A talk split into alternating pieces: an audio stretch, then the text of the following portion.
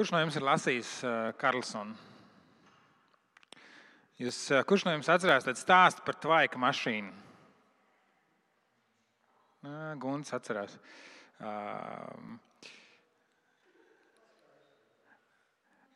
Brālītim bija tvaika mašīna. Ja? Un Karlsons tik ļoti gribēja ar viņu spēlēties. Viņš tur viņu pārforsēja, kaut kas tur aizgāja pa gaisu. Ko Karlsons brālītam teica? Neuztraucies. Man daudz tādas tvaika mašīnas ir. Ne? Man daudz, es esmu tvaika mašīna eksperts.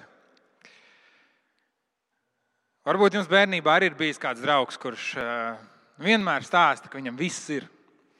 Ja, no sērijas par to, ka mans tēvs ir lielākais, varenākais, foršākais, vai arī man jau mājās ir, nu, tev ir LEGO forši, man ir divi. Ja, nu, nu, vienmēr tā.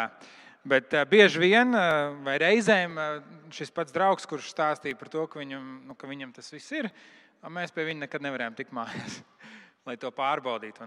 Brālīts arī ilgi netika pie Karlsona redzēt, kur tās tvaika mašīnas ir, un tad, kad viņš vēlāk tika, tad tur tās tvaika mašīnas nebija. Jā, varbūt reizēm, es zinu, ka es pats esmu tāds bijis gan bērnībā, gan arī jau pieaudzis būdams, kur uh, Nu, ka gribās izskatīties un izklausīties eh, labākam, krūtākam, kaut kādam īpašākam, ehm, ar kaut ko vairāk nekā tev patiesībā ir. Ne? Un eh, paturiet šo domu prātā. Un, un, un paturiet prātā to, kā jūs jūtaties. Jo es nezinu, Karlsons, protams, ir iemīļots grāmatu varonis. Bet, uh, piemēram, vismaz tajā gadījumā par tām taika mašīnām, nu, viņš tik ārkārtīgi kaitinošs ir. Es negribētu sev tādu draugu kā viņš vismaz tajā brīdī. Paturiet to prātā. Un, uh, es gribu izlasīt šodienas to raksturvietu. Mēs jau lasījām, klausījāmies no pirmās vēstules korintiešiem, bet, uh, bet mēs ejam cauri vēstulī romiešiem. Mēs studējam, skatāmies tā, ko, ko viņi saka. Šo, šīs dienas tēma ir ticība un darbi, kā jau Tomas teica. Un, un vīri izbraucienā mums bija tāds labs, laba diskusija, saruna par daļu no, no šīs tēmas. Mēs tur pārunājām Jēkabā vēstuli, pie kurai mēs arī šodien pieskarsimies. Un, bet, bet arī tajās sarunās, diskusijās parādījās, nu, ko tad īsti tas nozīmē. Um, tā ticība un darbi, nu, ko man kā kristietim, kas man kā kristietim ir jādara un kas man nav jādara. Un dažādas lietas, un es domāju, tas vienā vai citā dzīves situācijā mums katram ir svarīgi. Un tad paskatīsimies, ko Pāvils raksta romiešiem, un šodien mēs esam otrajā nodaļā no 6. līdz 16. pantam. Pāvila vēstule romiešiem, otrā nodaļa, no 6. līdz 16. pāntam. Droši atveriet, un mēs šodien tur arī dzīvosim. Un viņš atmaksās ikvienam pēc viņa darbiem. Tiem, kas neatlaidīgi ar labiem darbiem meklē godu, slavu un neiznīcību, viņš dos mūžīgo dzīvību. Bet tiem, kas meklēs savu labumu un neklausa patiesībai, bet klausa netaisnībai, viņš dos dusmas un bardzību. Ciešanas un izmisums ikvienai cilvēka dvēselē, kas rīkojas nekrietni, jūdam vispirms un arī grieķim. Gods, slava un miers ikvienam, kas rīkojas krietni, jūdam vispirms un arī grieķim, jo dievam nav svarīga cilvēka āriena, kas grēkojuši, bauslību nepazīdami, bez bauslības ies arī bojā, bet kas grēkojuši zem bauslības būdami, pēc bauslības tiks tiesāti. Jo ne jau tie, kas bauslību klausās, ir taisni Dieva priekšā, bet bauslības turētāji tiks attaisnoti. Kad pagāni, kam nav bauslības pēc dabas, dara to, ko bauslība prasa, tie būdami bez bauslības paši sev ir bauslība. Viņi parāda, ka bauslība ir ierakstīta viņu sirdīs. To apliecina arī viņu sirdsapziņa un viņu domas, ar kādām tie cits citu vai nu apsūdz vai aizstāv. Kā esmu sludinājis savā evaņģēlijā, nāk diena, kad Dievs caur Jēzu Kristu tiesās visu, kas cilvēkā apslēpts. Amen. Un šīs dienas tas raksta fragments, un atcerieties, protams, mēs vienmēr skatāmies viņu kopā. Ja. Mēs vienmēr skatāmies viņu kopā, un tas ir labs arī aicinājums, ko Tomas teica, un Tomas iesaka arī tev pašam to darīt. Ir lasīt šo vēstuli romiešiem, kad mēs ejam cauri un pārlasīt to, un, un radīsies tāds skaidrāks ieskats bet šīs dienas fragments sākas ar tādiem izaicinošiem vārdiem. 7. pantā tiem, kas neatlaidīgi ar labiem darbiem meklē godu, slavu un neiznīcību, viņš dos mūžīgo dzīvību. Bet tiem, kas meklē savu labumu, neklausa patiesībai, bet klausa netaisnībai, viņš dos dusmas un bardzību. Tas jautājums ir, kur, kurā pusē tu esi? Pāvils novelk robežu, un viņš saka, tiem, kas neatlaidīgi ar labiem darbiem meklē godu, slavu un aiznīcību, viņš dos mūžīgo dzīvību. Bet tiem, kas meklē savu labumu un neklausa patiesībai, viņš dos dusmas un bardzību. Kurā pusē tu esi? Atbildi sev, sev tagad. Kurā pusē tu esi? Vai tu esi tas, kurš neatlaidīgi ar labiem darbiem meklē godu, slavu un neiznīcību? Kurš dzenās pēc tās dieva balvas, ko Dievs ir sagatavojis? Vai tu esi tas, kas eh, dzīvo pēc savu prātu, domā par sevi, par savu labumu un nesako patiesībai, nesako Kristus nodomam?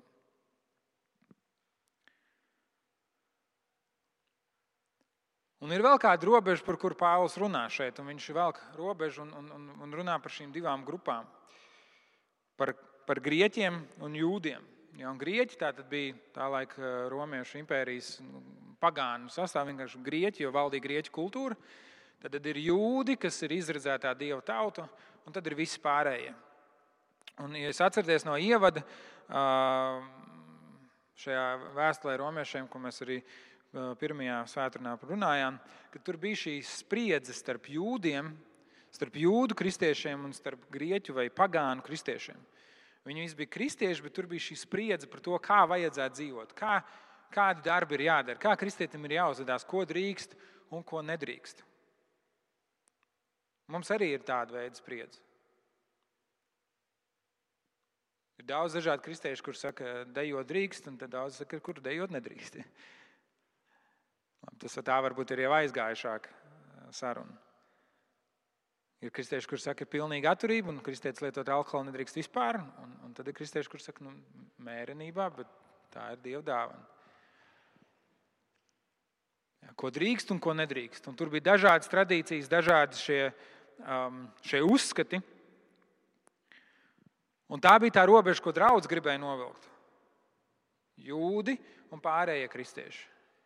Jā, mēs, mēs varētu dažādi domāt. Savulaik mājvietā esot šeit, mums ļoti izteikti bija šī robeža par, par, par uh, vecāki cilvēki, konservatīvi, un, un tad jaunie, kas domā par kopienām. Jā. Tā bija kaut kāda veida robeža. Un Pāvils novelk šo robežu, un viņš saka, tā ir, tā ir cita robeža. Tas nav par tavu um, izcelsmi, tas nav par tavu vecumu, tas nav par tavu tradīciju.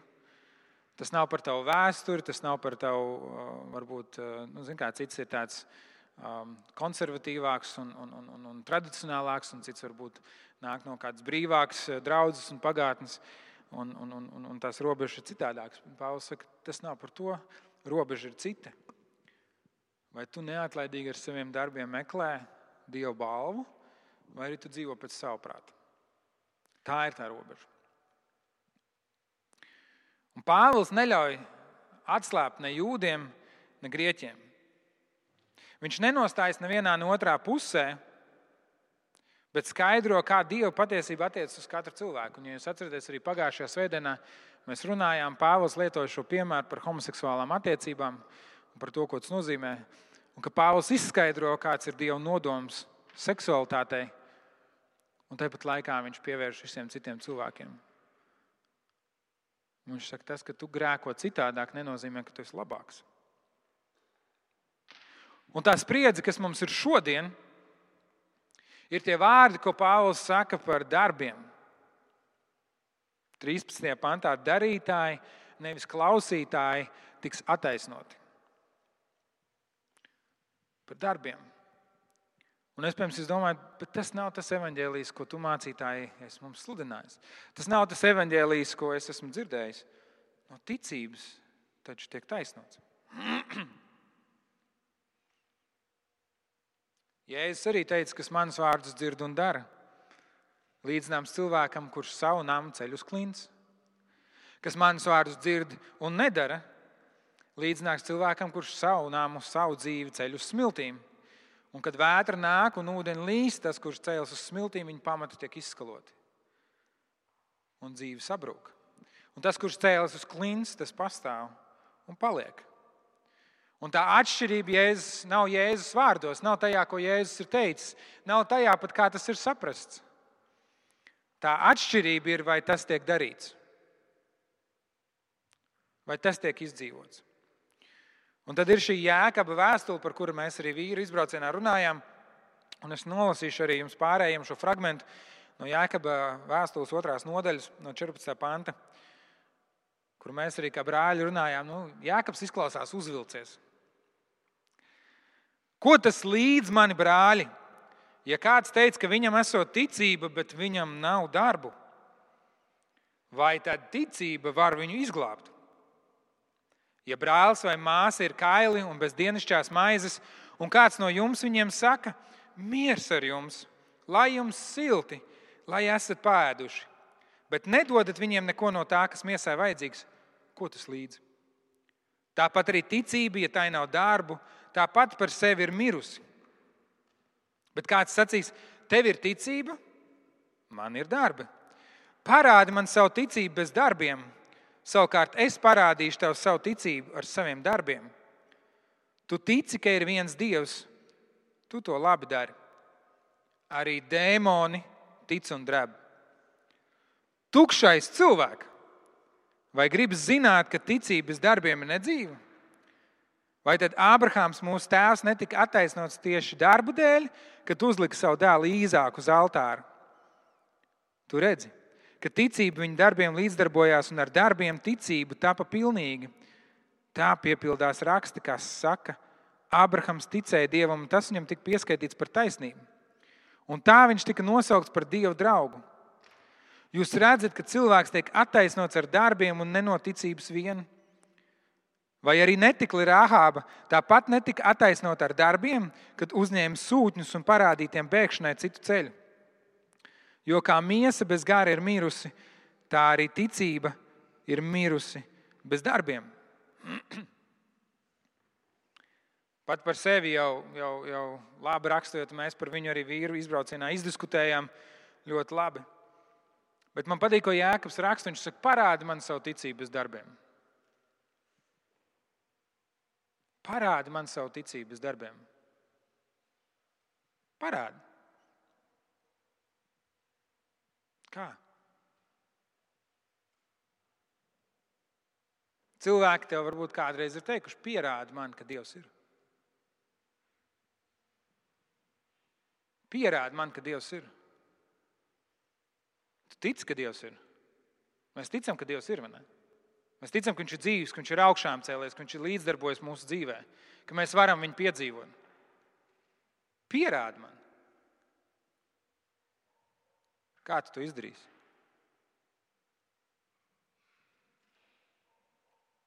Un tas ir liels izaicinājums, jo tas mums liek pievērst uzmanību tam, ko Dievs saka, ko Dievs no mums sagaida.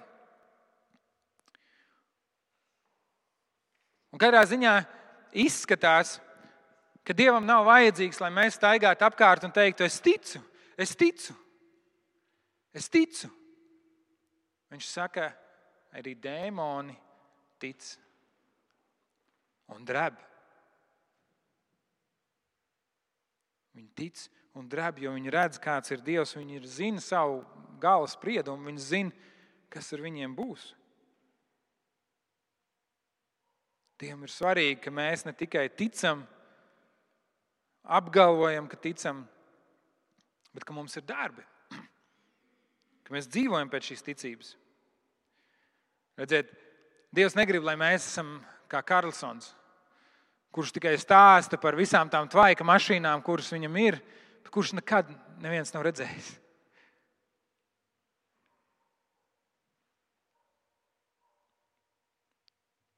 Reizēm mēs arī stāstām par dažādām brīnumu lietām,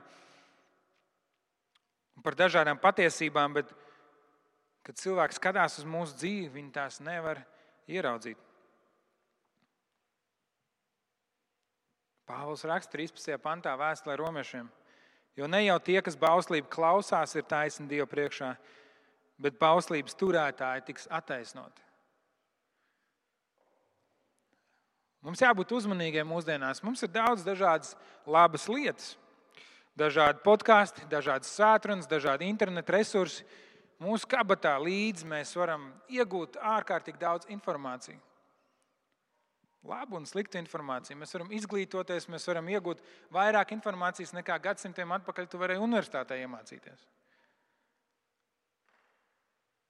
Mēs varam klausīties, mēs varam klausīties par Dievu un domāt dažādas lietas, un pārdomāt, un reizēm pat varbūt arī gudri kaut ko pateikt. Un padiskutēt par to, ko saka Jordans Petersons un ko saka um, Tims Kellers, ja, ko ir teicis Tims Kellers. Viņš ir mūžībā. Vai vēl kāds cits liels un varants vērtību sludinātājs?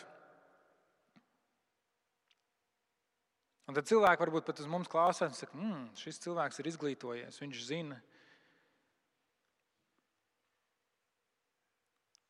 Bet tie cilvēki, kas redz mūsu dzīvi, kas redz mūsu izvēles, kas redz mūsu ikdienu, vai viņi arī skatās uz mums un saka, mmm, šis cilvēks ir gudrs. Viņš pieņem gudrus lēmumus. Jo ne, klaus, ne tie, kas bauslību klausās, ir taisni Dieva priekšā, bet bauslības turētāji tiks attaisnoti. Un kas tad ir bauslība? Kas tad ir bauslība? Kas tad ir tas, par ko Pāvils runā? Nu, mēs to skatāmies vecā derība, Mūzes un Pravieši. Pirmās piecas mūzes grāmatas, jeb Tora, bija šī bauslība. Un tur bija šie jūdi, kur bija šie bauslības turētāji, kuriem tas bija svarīgi, kuri pie tā turējās un teica, nu, visiem tas būtu jādara. Vai tiešām mums jāievēro šie desmit baušļi un visi 613 likumi vecajā darbā? 613. Cilvēki jau Jēzus laikā bija sapratuši, ka tas nav iespējams. Viņi nāca pie Jēzus un jautāja skolotāji, kurš ir pats nozīmīgākais bauslis bauslībā? Un teica, ar ko man sākt? Es saprotu, ka visus es nevaru, bet ar ko man sākt? Un Jēzus saka, mīli kungu savu dievu ar visu savu sirdi, ar visu savu dvēseli, ar visu savu prātu. Šis ir pats lielākais un pirmais bauslis, un otrs tam līdzīgs ir mīli savu tuvāko kā sev pašu. Šie divi baušļi ir pamatā visai bauslībai un praviešu mācībai. Paldies, Jēzu! Paldies, Jēzu! Man vairs nav jāsako 613. Es viņus pat nevarētu atcerēties.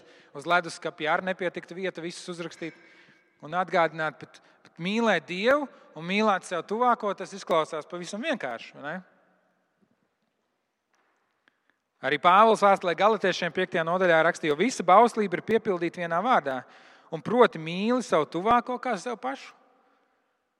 Brīnišķīgi. Tas tik vienkārši ir. Atliek tikai mīlēt. Mēs esam atbrīvoti no tā, mēs varam dzīvot brīvi, mums nav jāiespringst, mums tikai jāmīl. Un tieši tāpēc es gribēju, lai Tomas izlasa pirmo vēstuli korintiešiem 13. nodaļu par mīlestību. Mīlestība ir laipna, un tā neskauž, tā nemeklē savu pašas labumu. Atcerieties, Pāvils novilka šo robežu starp cilvēkiem, kur meklē godību, kur meklē dievprātu un kur meklē savu labumu. Un Pāvils raksta, mīlestība nemeklē savu labumu. Redziet, šie vārdi mīl Dievu un mīl savu tuvāko, kā bauslības konspekts, nesamazina bauslības prasības. Mums varbūt liekas, mēs esam jaunās darbības cilvēki, mums vairs nav jāievēro, kas tur ir teikts. Jēzus to ir atcēlis. Bet patiesībā Jēzus pats saka, es neesmu nācis to atcelt, bet piepildīt. Bez mīlestības var izdarīt daudzas labas un pareizas lietas. Formāli var paklausīt Dievam, bet Dievs to caur Pāvilu raksta, ja man ir ticība kalnus pārcelt, bet nav mīlestības, es esmu nekas. Dieva definēta mīlestība nav izplūdusi. Kā tā mīlestība, par kuru mēs bieži vien runājam mūsdienās. Tā nav tikai sajūta, kas uznāk un pāriet. Tas nav kaut kāds kā iesnas, kurus var noķert un tad atkal no viņas izārstēties.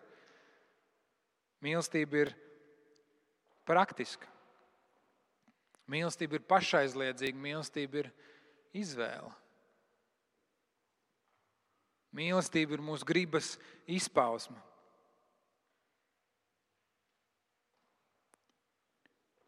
Un tad Pāvils saka, ja nu tie, kas bauslību klausās, ir taisni Dieva priekšā, bet bauslības turētāji tiks attaisnoti. Un ja mēs domājam, ah, nu jā, Pāvils jau runā par to mīlestību, tad mēs varam uzdot sev jautājumu, vai tad es mīlu? Vai es mīlu Dievu ar visu savu sirdi, dvēseli un prātu, vai es mīlu savu tuvāko kā sevi pašu? Un, ja mēs saprotam ar tuvāko, nu, teiksim, sievu, vīru, māsu, brāli, māmu, tēti, um, pat tad mums tas nesanāk. Bet Bībele kā savu tuvāko raksturo to, kurš man burtiski ir vistuvāk.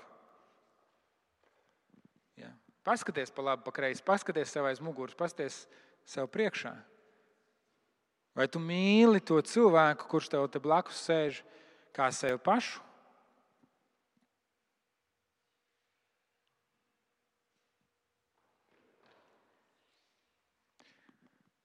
Mēs gribam būt selektīvi. Mēs esam iemācījušies būt selektīvi. Bet šeit Dieva vārds parāda, ka mēs nevaram no tā izbēgt.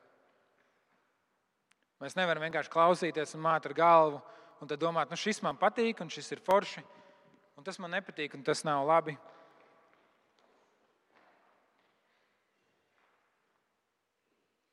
Pāvils novelk robežu. Viņš saka, vai nu tu dzenies pēc tā, ko Dievs ir noteicis, vai nu tu cēl savu valstību.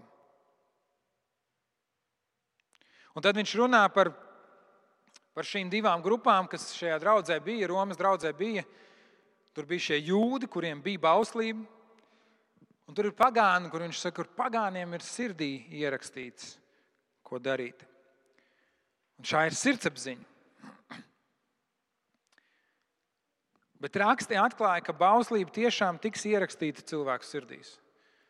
Un ka tā nav bauslība, kas bija jūdiem, un tā nav tikai sirdsapziņa, kas bija pagāniem, bet tas ir kaut kas vēl vairāk. Kaut kas dievišķs, kaut kas, ko mēs nespējam paši ģenerēt. Pravietis Jeremija, Jeremijas grāmatas 31. nodaļā, ar 31. sākot ar 31. pāntu, saka, redz, nāks dienas, saka kungs kad es slēgšu jaunu derību ar Izraēlu namu un Jūdas namu. Ne tādu derību, ko es slēdzu ar viņu tēviem to dienu, kad ņēmu tos pie rokas, lai izvestu no Eģiptes zemes. Viņi lauza man derību, lai gan pār tiem valdīju, saka kungs. Pēc šīm dienām ar Izraēlu namu slēgšu šādu derību, saka kungs. Es došu viņiem savu bauslību, es rakstīšu to viņu sirdīs, un es būšu viņiem dievs, un viņi būs mana tauta. Neviens vairs nepamācīs ne savu tuvāko, ne savu brāli, sacīdams, pazīstiet kungu jo viņi visi mani pazīs. No maza līdz lielam, saka kungs, es piedošu viņu vainas un viņu grēkus, vairs nepieminēšu. Bauslība būs ierakstīta sirdī. Vai tev sirdī ir ierakstīta bauslība? Vai tavs sirds tev saka, mīli Dievu un mīli savu tuvāko?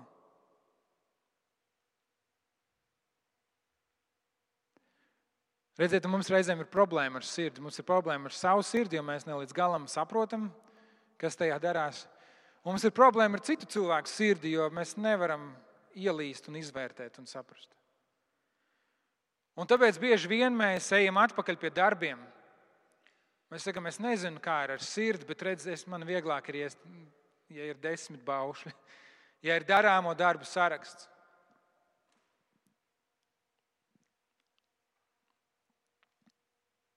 Mums liekas, ka sirdī tas ir kaut kas, kas ir mans.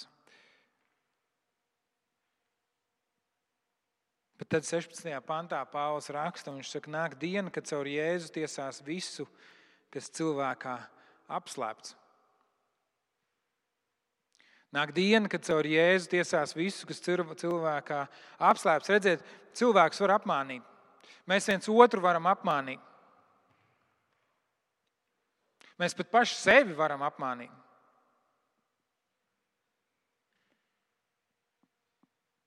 Mēs varam izlikties, un mums var būt kādi darbi un kādas lietas, kas ārēji izskatās, nu, viņš ir kristietis.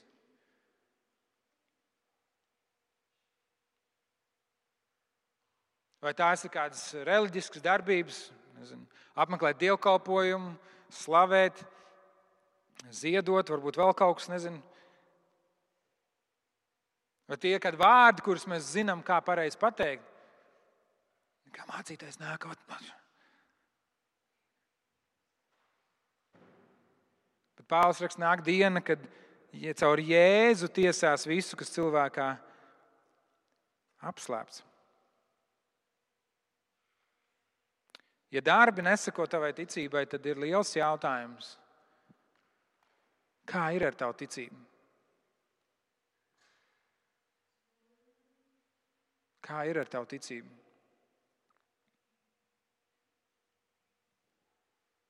Ja tev nav ko par savu ticību parādīt, vai tā vispār ir dzīva? Ja cilvēki tev apkārt nemaz nepamanā un neredz, ka tu, esi, ka tu tici Dievam, ka tu esi Dieva bērns. Un nav runa par to, ka tu ej ar krekliņu, I'm Jesus freak. Ja? Vai arī tur Jēzus Kristus atgriezies no grēkiem, vai, vai vēl kādas dīvainas lietas, ko mēs reizēm kā cilvēki darām.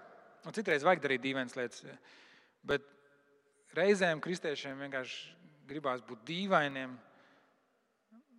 Tāpēc, ka tad liekas, ka nu, es esmu kaut ko darījis. Un tad mēs varam attaisnot to, kāpēc cilvēkiem mēs nepatīkam. Te nav runa par to, ka te apkārt saka, es ticu, es ticu, es ticu. Vai pat pirmā lieta, ko tu saki, kad tu iepazīsties ar cilvēkiem, es esmu kristietis, Dieva bērns. Bet te ir runa par to, kas tavā dzīvē parādās.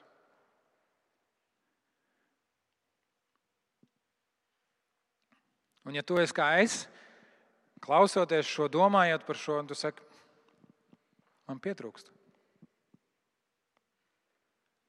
Man pietrūkst. Kaut kur Dieva žēlstībā es esmu piedzīvojis to, ka, ka cilvēki redz un pamana, un kaut kur, kaut kur tomēr es redzu, ka nevienmēr mana dzīve atspoguļo to, ko es apgalvoju, kam es ticu. Un es varu šeit jūs priekšā stāvēt un, un to teikt. Jo es zinu, kas ir tālāk manā svētdienā. Bet pirms es turpinu, ka tu vari padomāt.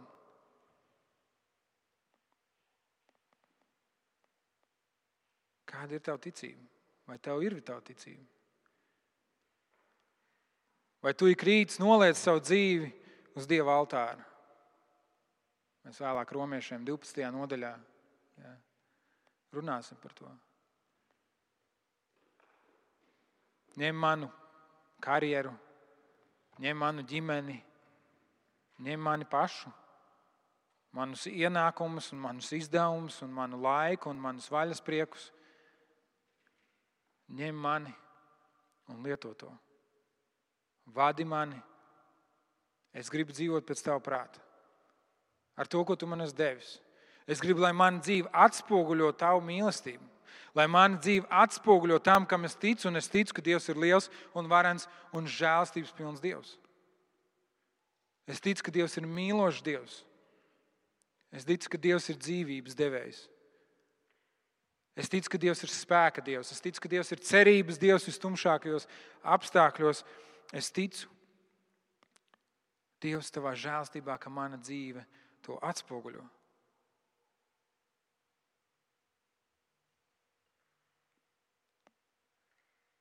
ka es izturos citādāk pret cilvēku, kad citi aprunā, un kad citi tanko, un kad citi noliek, ka es varu tajā nepiedalīties. Kad citi iekāro, un kad citi zog un citi krāpjas, es varu tajā nebūt.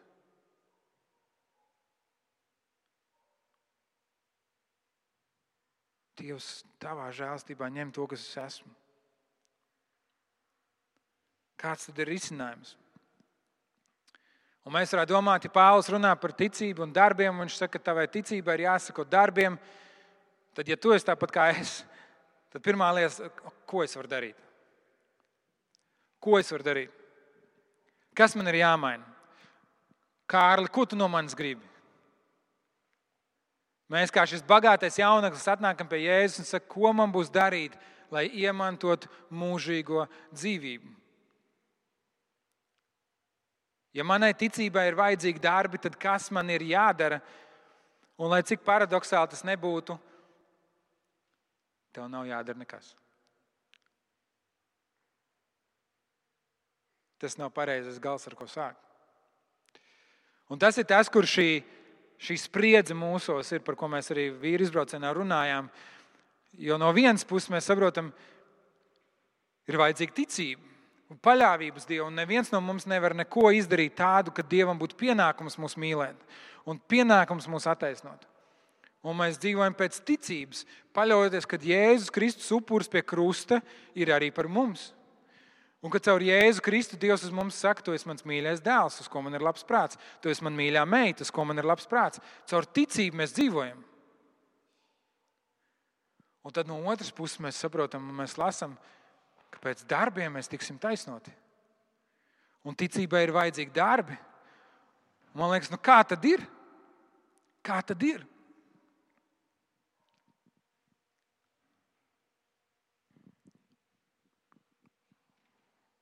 Kristietība ir unikāla reliģija uz pārējo fona.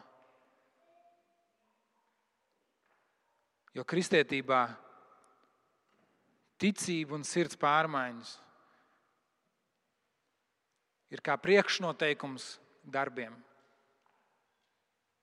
Vispirms nāk ticība, un tad nāk darbi. Mēs darām, jo mēs mīlam Dievu. Mēs darām, jo Viņš mūs pirmais ir mīlējis. Mēs darām, jo Viņš mūsu labā ir izdarījis visu. Un mūsu ticība izriet no mūsu iekšējās pārliecības, no mūsu dzīves, no mūsu paļāvības. Un tieši tāpēc mums ir jādara tas grūtais darbs, tas sarežģītais darbs, izvērtēt savu sirdi. Visas citas reliģijas saka, tu nāc un dari, tu izdari tik, tik, tik, tu ievēlo pareizos rituālus, pareizos sakramentus, pareizā secībā, un tad tu tiksi izglābts. Varbūt. Tu līdz galam nekad nezini. Mans sievas vīrs ir musulmanis no Eģiptes. Un es viņu runāju, viņš runā labas lietas, un es saku, kā tu vari zināt? Sievas vīrs. Šis labs? Kas ir mans tēva dēls, bet nav mans brālis. Ja. Um, ļoti labi. Labi, sieva atnāca atpakaļ īstajā laikā. Jā, mans māsas vīrs. Es neesmu musulmanis no Eģiptes. Es esmu kristietis no Latvijas. Mans māsas vīrs ir musulmanis no Eģiptes, un mēs viņu runājam.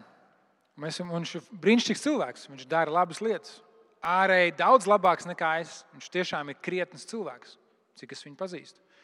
Viņš rūpējas par manu māsu, par viņas dēliem. Bet tad, kad mēs ar viņiem runājam, mēs runājam par mūžību, un es viņam jautāju, viņš saka, es nezinu. Viņš līdz galam nezina.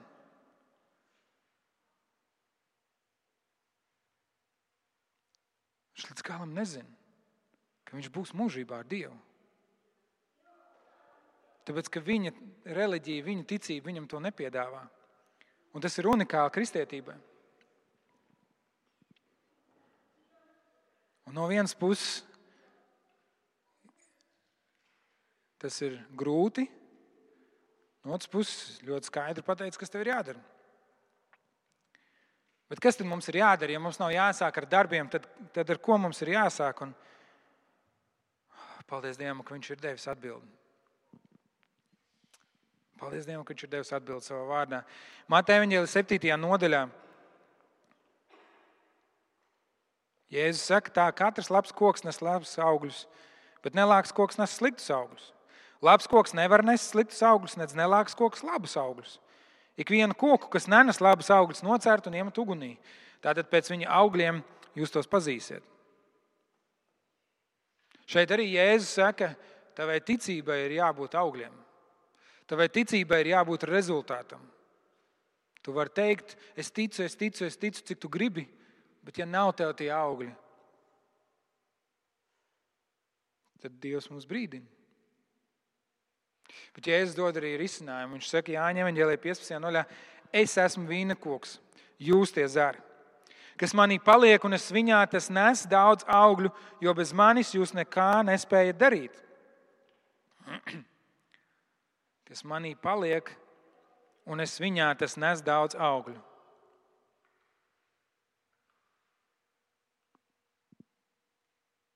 Mūsu uzdevums ir mīlēt Dievu, palikt viņā.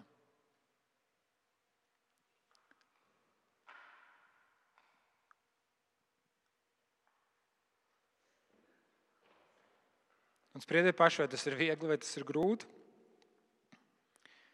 Jāņem viņa 8. nodaļā Jēzus sacīja jūdiem, kas ticēja viņam, ja jūs paliekat manos vārdos, jūs patiesi esat mani mācekļi, un jūs iepazīsiet patiesību, un patiesība darīs jūs brīvus. Un tas jautājums, kas mums katram sev ir jāuzdod, ir nevis, ko man darīt, bet kādiem maliem es esmu noticējis. Kam vēl es neticu par Dievu? Kuru patiesību par viņu es vēl neesmu satvēris?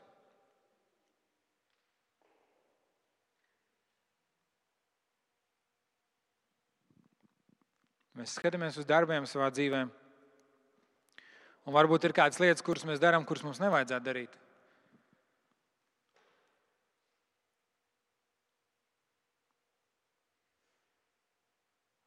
Varbūt mēs iekārojam,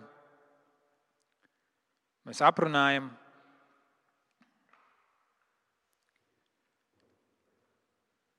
Mēs esam skopi.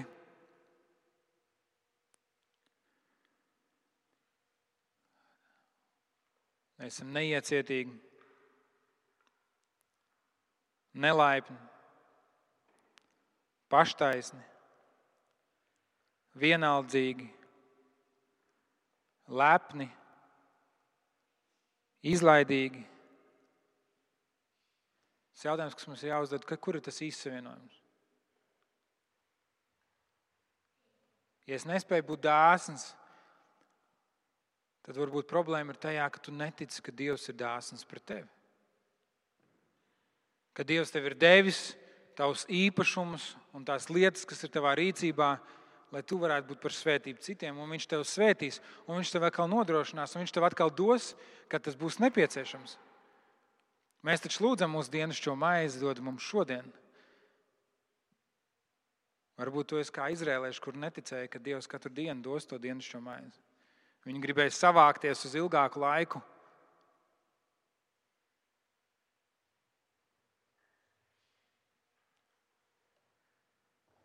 Ja tu esi skops, varbūt tu neesi līdz galam satvērs to, cik dāsns pret tevi ir Dievs. Ja tev ir sarežģīti, grūti atrast laiku, lai lūgtu, tu varbūt līdz galam neesi ieraudzījis to, ka Dievs ir tas, kurš visu kontrolē. Un ka lūkšana ir mūsu paļāvība uz Dievu. Varbūt tev joprojām liekas, ka tev ir viss jāizdara, tev ir viss jāpaspēj, tev ir viss jānopelna.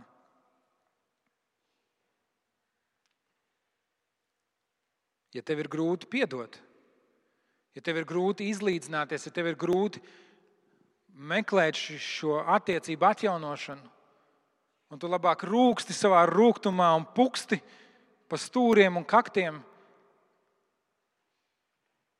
Varbūt tev ir grūti satvert to, ka Dievs tev ir piedevis, ka Dievs tev ir pieņēmis, ka Dievs tevi mīl, un tev ir grūti saprast, ka to cilvēku, pret kuru tev kaut kas ir, arī Dievs mīl.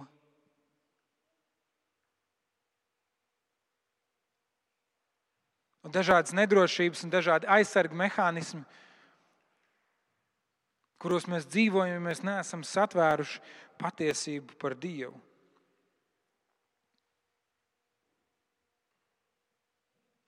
Tad, kad mēs redzam, ka mūsu darbi nesako tam, ko mēs apgalvojam, kam mēs ticam, Tas pirmais jautājums ir nevis ķerties pie darbiem, bet pie tā, kam tad mēs ticam. Jo Dieva vārds saka, mēs iepazīsim patiesību, un patiesība darīs mūs brīvus. Patiesība darīs mūs brīvus. Viņa, viņa atraisīs to mūsu pieķeršanos lietām. Viņa atraisīs to mūsu pārņemtību ar sevi pašu. Viņa atraisīs mūs no tām bailēm, no tām bažām, patiesība darīs mūs brīvus, tad, kad mēs iepazīstam, cik liela ir Dieva mīlestība. Tāpēc arī Pāvils raksta, es lūdzu Dievu, lai jūs izprastu Dieva mīlestības dziļumu, augstumu un plašumu, lai jūs piedzīvotu to, kāds ir. Un ko nozīmē palikt Jēzu? Vienīgais veids, kā mēs varam nest augļus, ir palikt Jēzu. Ko tas nozīmē? Tieši to tas arī nozīmē. Atgādināt visu laiku sev, ko Jēzus ir teicis meklēt iespējas būt ar Jēzu kopā, meklēt iespēju iepazīt Dievu. Mīļā draudzene, tas ir iemesls, kāpēc mēs aicinām lūgt un būt kopā lūgšanās. Mēs varam daudz un dažādas labas lietas izdarīt, bet tas pirmais solis, kur mēs atstājam sevi un noliekam, Dievs saka, bet ne no mūsu gribēšanas vai skriešanas, bet viss no tavas žēlstības. Mīļā draugs, tas ir tā, kāpēc mēs iedrošinām viens otru lasīt Bībeli un izprast, kas tur ir rakstīts. Nevis tāpēc, ka kārtīgam kristietim tas ir jādara, bet tāpēc, ka tas palīdz mums iepazīt Dievu un viņa patiesību. Tas ir vienīgais nemainīgais, kas mums ir atstāts, pret kuru mēs visu varam pārbaudīt. Kāpēc mēs iedrošinām būt kopā un nepamest sapulces un neatdalīties no draudzes uz ilgstošu laiku? Tāpēc tas ir tas, kur mēs dzirdam, ko Dievs dara viens otru dzīvē. Un mēs saprotam, ka Dievs nav tikai kaut kur tālu vai mistiski, Dievs nav tikai kaut kur rakstiski, vēsturē, bet mēs redzam, ka Dievs ir dzīvs viena otra cilvēka dzīvē, kā viņš darbojas šajā aizvadītajā nedēļā. Un tas mūs iedrošina, tas mūs stiprina. Mēs paliekam, paliekam tajās lietās, kas mūs ved tuvāk Dievam. Tāpēc mēs pielūdzam Dievu, mēs dziedam Viņam dziesmas. Mēs slavējam Viņu, jo tā ir Viņa klātbūtne, kurā mēs varam būt. Mēs klausamies Viņa vārdos. Un tad, kad nāk šaubas, mēs šos vārdus sev un viens otram atgādinām. Gal galā mēs veltam laiku, lai teiktu, Dievs, runā uz mani. Runā uz mani. Kur mēs, mēs apzināti paskatāmies, ka nebūšu tas, kurš ceļ savu valstību. Vienalga, kas tas ir, vai tā ir tava karjera, vai personība, vai, vai, vai vienalga, kas tas ir, uz ko tu esi safokusējies, tā varbūt nav slikta lieta. Bet mēs apzināti paskatām, Dievs, tas mani nedefinēs. Es negribu celt savu valstību, es gribu būt tavējā. Šī, šī labā lieta, ko tu manā dzīvē esi devis, vai tā ir karjera, vai finanses, vai vienalga, kas tas ir, ka tas būs tikai instruments. Tas nebūs mans kungs. Tu esi mans kungs.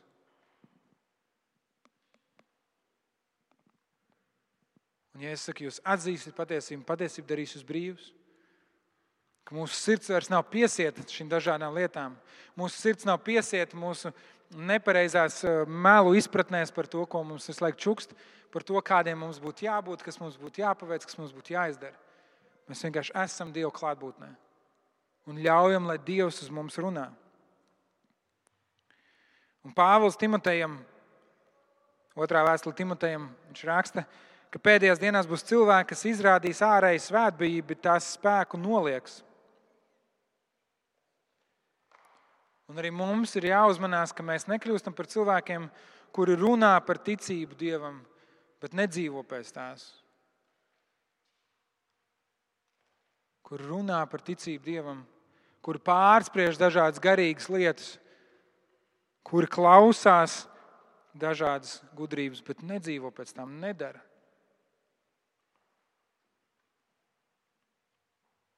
Ka mēs neesam cilvēki, kuri izrāda ārēji svētbību, bet tās spēku noliedzam. Bet ka mēs piedzīvojam, atzīstam un ilgojamies pēc dievbijības. Apzinoties to, ka ja, ja mēs iegūtu visu pasauli, bet mēs pazaudējam savu dvēseli, tad tam nav nekāda jēga. Mums var būt draugi, mums var būt karjeras, mums var būt